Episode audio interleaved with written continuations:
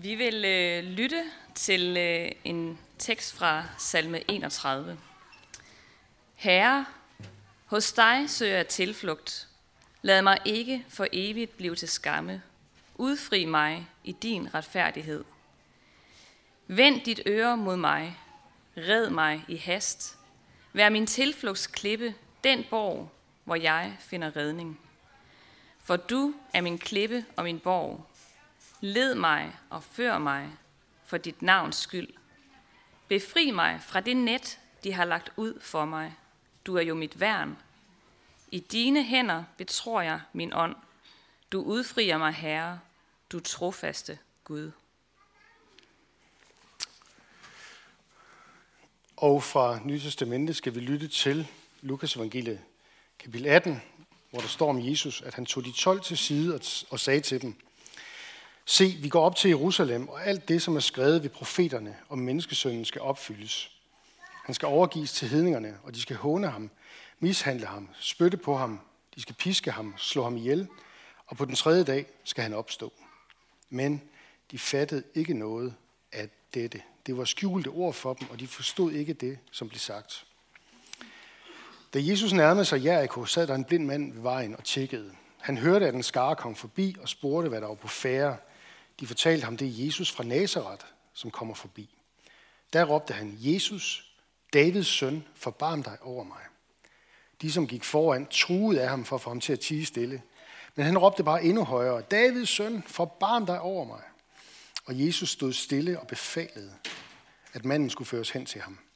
Da han var kommet derhen, spurgte Jesus ham, hvad vil du have, at jeg skal gøre for dig? Han svarede, Herre, at jeg må kunne se. Og Jesus sagde til ham, bliv seende, din tro har frelst dig. Straks kunne han se. Og han fulgte ham og priste Gud, og hele folket så det og lovpriste Gud. Jesus, vi beder også om, at du vil øh, stanse op hos os på vores vej igennem livet, og, øh, og stille os det spørgsmål. Hvad vil du have, jeg skal gøre for dig? Og så beder vi om, du vil lægge dine hænder på os, så vi kan tage del i den lovprisning, som begyndte allerede den dag. Amen. Jeg vil godt starte med, øh, jeg synes, der er, der er en sammenhæng imellem de to tekster her. Altså om i, i, i salmen, vi lige har læst, som er skrevet af David, som er en bøn, der er bedt øh, af et menneske under pres, måske en dag i krig. Slået mig lidt, jeg har, jeg har i ugens løb øh, læst lidt om i, i salmernes bog, at lige pludselig så er der nogle af de salmer, jeg tror, der giver, der giver mening på en anden måde, end de gjorde i forrige uge, eller for folk, der lever i en krigszone i hvert fald. De er skrevet simpelthen i en kontekst af krig, mange af dem. David han er i nød, og han søger tilflugt hos Gud. Og han beder ikke, øh, han beder ikke bare Gud, red mig. Han beder Gud, red mig hurtigt. Red mig i hast, siger han. Der er noget, der haster. Når man er i nød, så kan vi som mennesker godt føle, at Gud ikke hører, eller at Gud i hvert fald giver sig enorm god tid. Og når vi hører David trylle Gud om hjælp hurtigt, så er det fordi, at det haster for ham. Det haster for ham. Og David han sætter ligesom trumf på ved at minde Gud om, at Gud har jo tidligere i Davids slægt og i Israels historie, der har Gud vist sig som en klippe og en borg, kalder han ham. Det er, øhm, det er nogle billige udtryk for, at Gud han er tilflugtssted for forfulgte og trængte mennesker. Og David minder altså Gud om, at Gud har givet urokkelige løfter i sin pagt med Abraham, i sin pagt med David selv, om at Gud vil redde og frelse. Og derfor lægger David sit liv i Guds hånd. Han gør det på Guds ord og Guds løfter. Han gør det ikke på øh, de følelser, han er omgivet af eller har inde i lige nu, fordi de er helt modstridende. Der føler han, at han øh, ikke kan klare tingene, og at nu sejrer mørket og det onde. Han gør det ikke på de oplevelser, han har haft inden, men han gør det, han lægger sit liv i Guds hænder, på Guds ord og Guds løfter. Hvis han havde gjort det på noget andet, på sine følelser eller oplevelser, eller hvad det nu er, så var han kommet til kort. Fordi imod fjenden, der kommer vi alle sammen til kort. Imod djævlen, der er der ikke noget menneske, uanset hvor flinkt, hvor fromt og hvor godt det lever, der kan tage kampen og vinde. Et kristent menneskes livsførsel har heller ikke nogen magt imod djævlen. Det har alene evangeliet. Det har alene det gode, de gode nyheder om Jesus. Det er alene Guds løfter om frelse. Det er alene Gud som redningsmand, der kan føre kamp til sejr for dig. Også for kampene i dit liv, som du gerne, øh, som du har brug for. Måske har du en dag brug for det i hast. Måske er der noget, der er påtrængende. Så råb til ham. Det er også det, der er på spil i dag, og som disciplene ikke forstår, da Jesus han trækker dem til side og siger, øhm, nu tager vi op til Jerusalem, og derop der skal jeg overgives til et råt magtspil, som ender med, at de slår mig ihjel. Og så tre dage senere, så står jeg op fra de døde. Og det forstår de ikke et ord af. Og det kan jeg godt forstå, at de ikke forstår et ord af. Vi lever trods alt på den anden side af påske. Men disciplene, før Jesu død og opstandelse,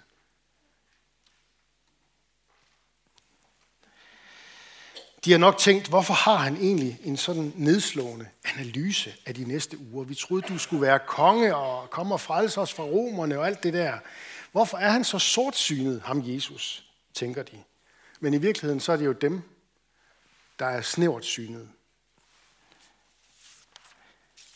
Det livssyn og det menneskesyn, som vi møder i Bibelen, i Guds ord, i Guds løfter, fordrer jo netop, at Jesus, han må gøre det her. Han må gå mod Jerusalem, fordi det er der, det er der at Guds løfter skal opfyldes en gang for alle. Guds løfter om Messias, den salvede, der skal komme og bringe fred, bringe balance og retfærdighed ind i verden og ind i menneskers liv. Vi står altså med andre ord over for en rejse i de kommende uger ind i fastetiden, en rejse med Jesus mod Jerusalem. Det er sådan, du skal tænke om fastetiden. Det er, at du slår ligesom følge med dem nu. Det er derfor, den tekst ligger her. Nu, nu, nu, nu, nu øh, slår vi følge med, og er disciple, der rejser med Jesus mod Jerusalem. Det er en rejse, hvor noget vildt kan ske.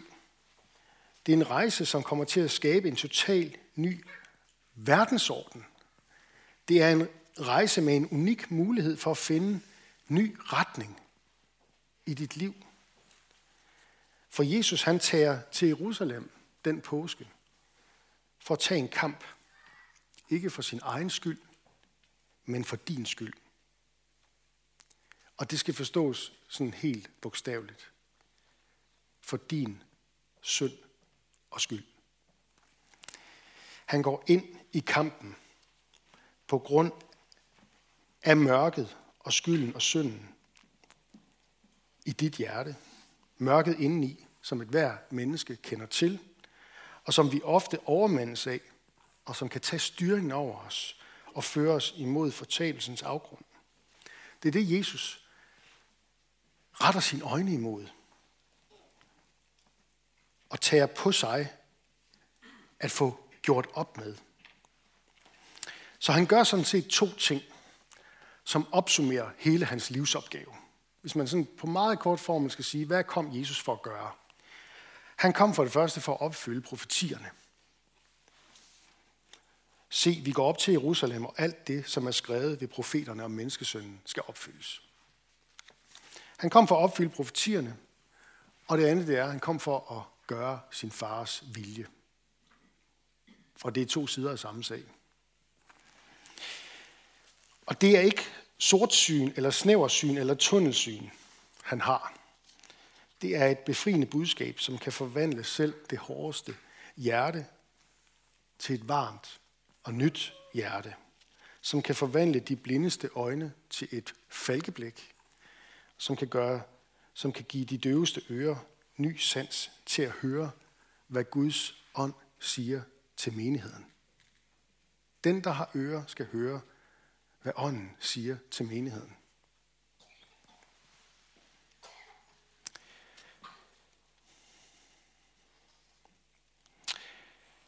Jesus tog vores skyld og skam på sine skuldre og bar det op på korset ind i døden. Han gik i vores sted. Og det var forudsagt. Det var Guds vilje med ham. Det var noget, han skulle gøre for dig, for at forvandle dit hjerte, dit liv, og det gælder også i 2022. For det, han gjorde, det har noget evigt over sig. For Guds løfter er evige, og Guds opfyldelse af løfterne er også noget, der er evigt og gælder evigt. Det gælder også i dag og i morgen og til evig tid. Jesus er den samme i går, i dag og til evig tid. Alt det kunne disciplene ikke se i øjeblikket, men de indså det senere. Efter hans opstandelse, der fik de øjne at se med, og stemmer at tale med. Men indtil da, der havde de mere end svært ved at indse, hvem Jesus var. Til gengæld så var der en blind mand, som kunne se det. Som en har sagt, sommetider ser de blinde bedre end de seende.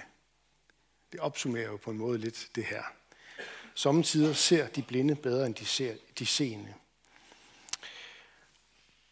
Og når et menneske ser Jesus som Davids søn, Messias, frelseren, så skaber det forskellige ting.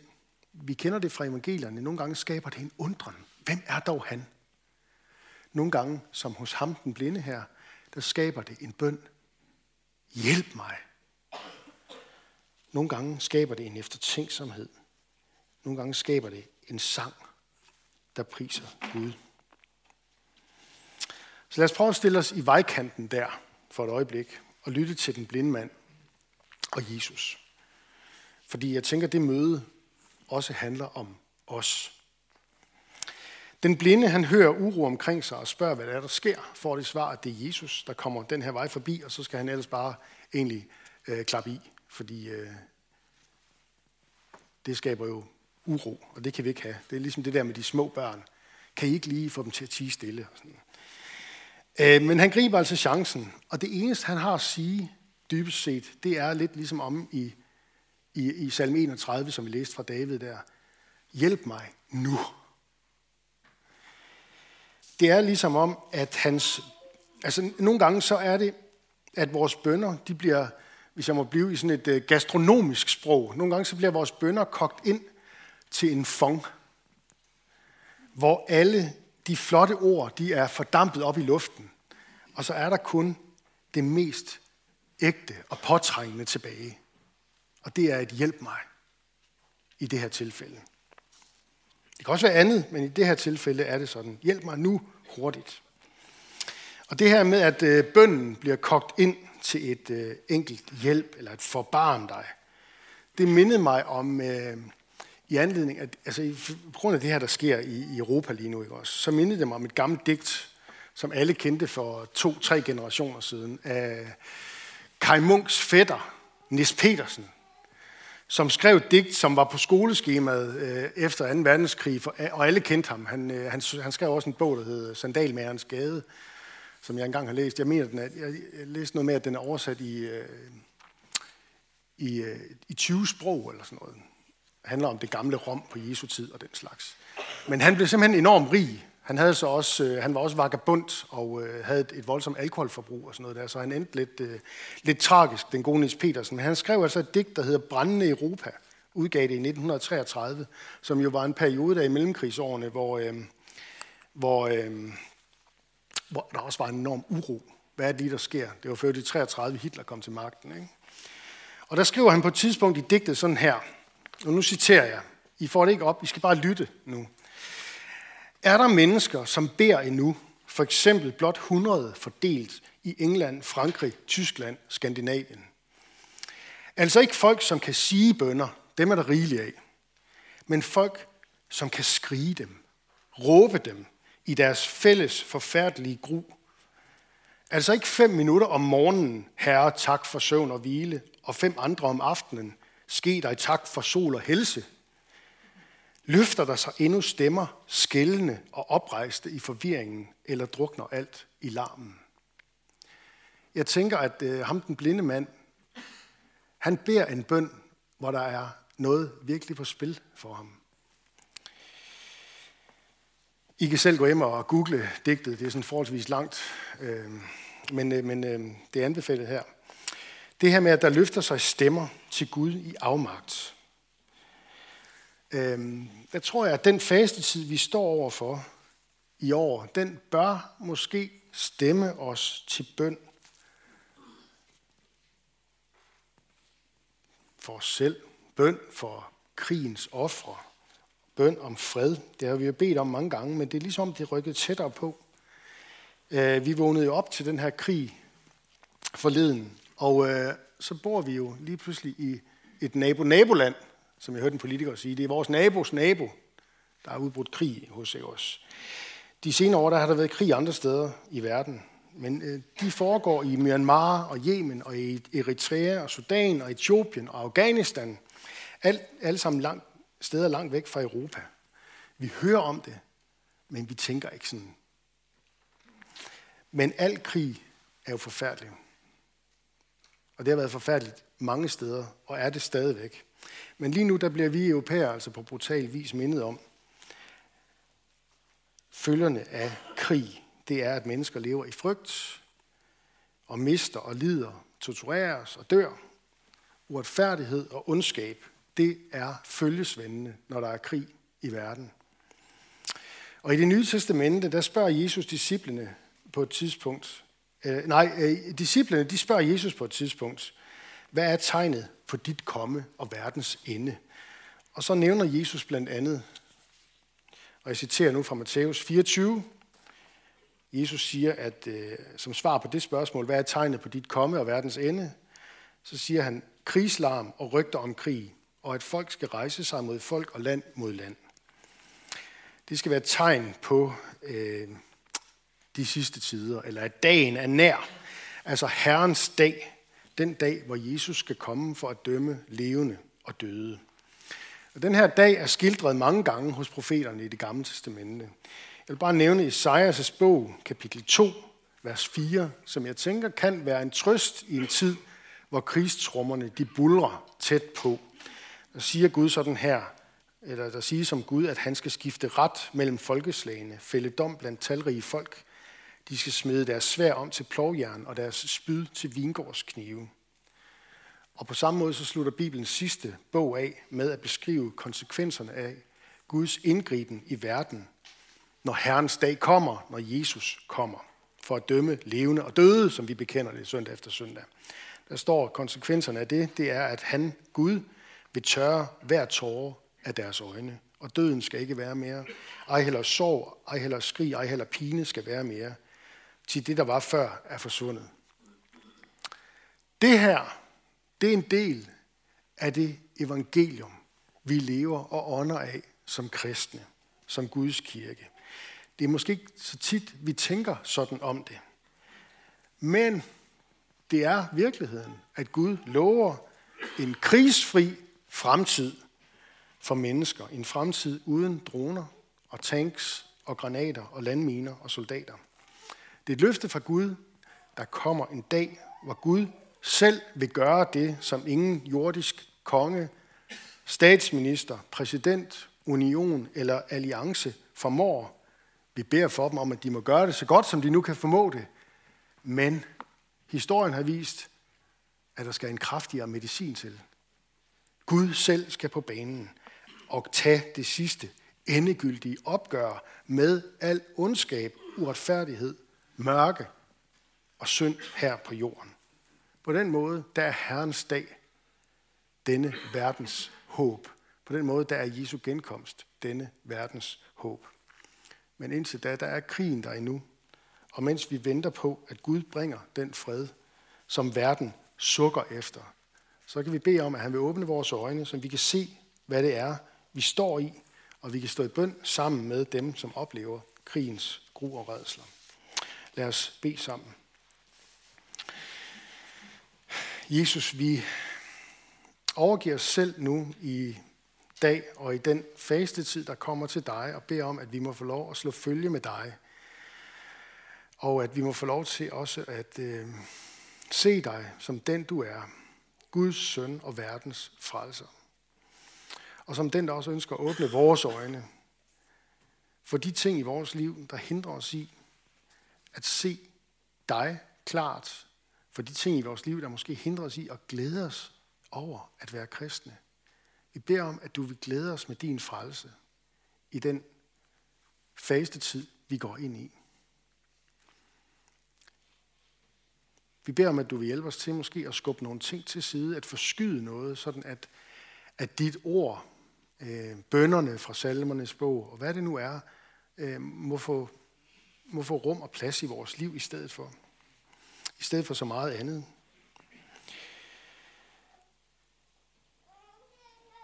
Vi takker dig for fællesskabet omkring gudstjenesten. Tak fordi vi kan mødes i frihed og tilbede dig. Udrust os med nådegaver til fælles gavn og opbyggelse. Lad os at række ud over vores egen behov. Vi beder for menighedens børn, både de fødte og de ufødte. Beskærm du dem og lad dem få lov at vokse op i tro på dig. Vi beder for menighedens konfirmander og unge. Lad dem vokse i tro og tillid til dig. Vi beder for ægteskaberne og de, som lever alene. Giv os din kraft over vores liv og samliv. Vi beder for Skærn by og omegn, at du, Jesus, må blive kendt, troet, elsket og efterfuldt her i det område, hvor du har sat os. Vi beder for Niels Jørgen Fogh, menighedens vejleder, velsign ham i hans tjeneste. Og så beder vi dig om, at du vil være nær hos alle, der er ramt af sorg, sygdom, lidelse. Og i dag tilføjer vi krigen, som er rykket tæt på. Alle, som er ramt, giver os mod til at være til stede og i distancen være til stede i bøn og visdom til at lindre smerten hos hinanden. Lad os være stille et øjeblik og bede for et menneske eller en situation, der har brug for Guds hjælp.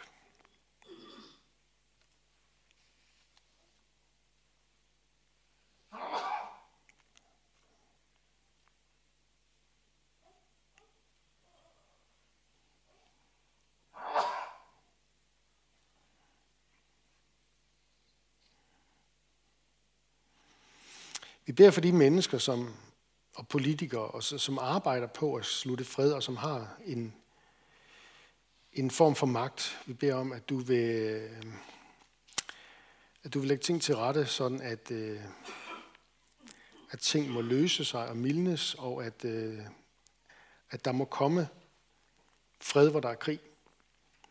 Vi beder for de kristne i Ukraine og i nabolandene, også de kristne i Rusland, om at du vil øh, indgyde dem frimodighed og indgyde dem mod til at turde sige, hvad der er sandt. Vi beder om, at evangeliets lys må skinne blandt denne verdens muslimer, så de omvender sig og lærer dig at kende som den eneste sande Gud, Jesus Kristus. Vi beder om, at den tid snart må komme, hvor de jødiske folk må se dig som Davids søn og Messias og omvende sig i glæde. Vi beder om Jerusalems fred.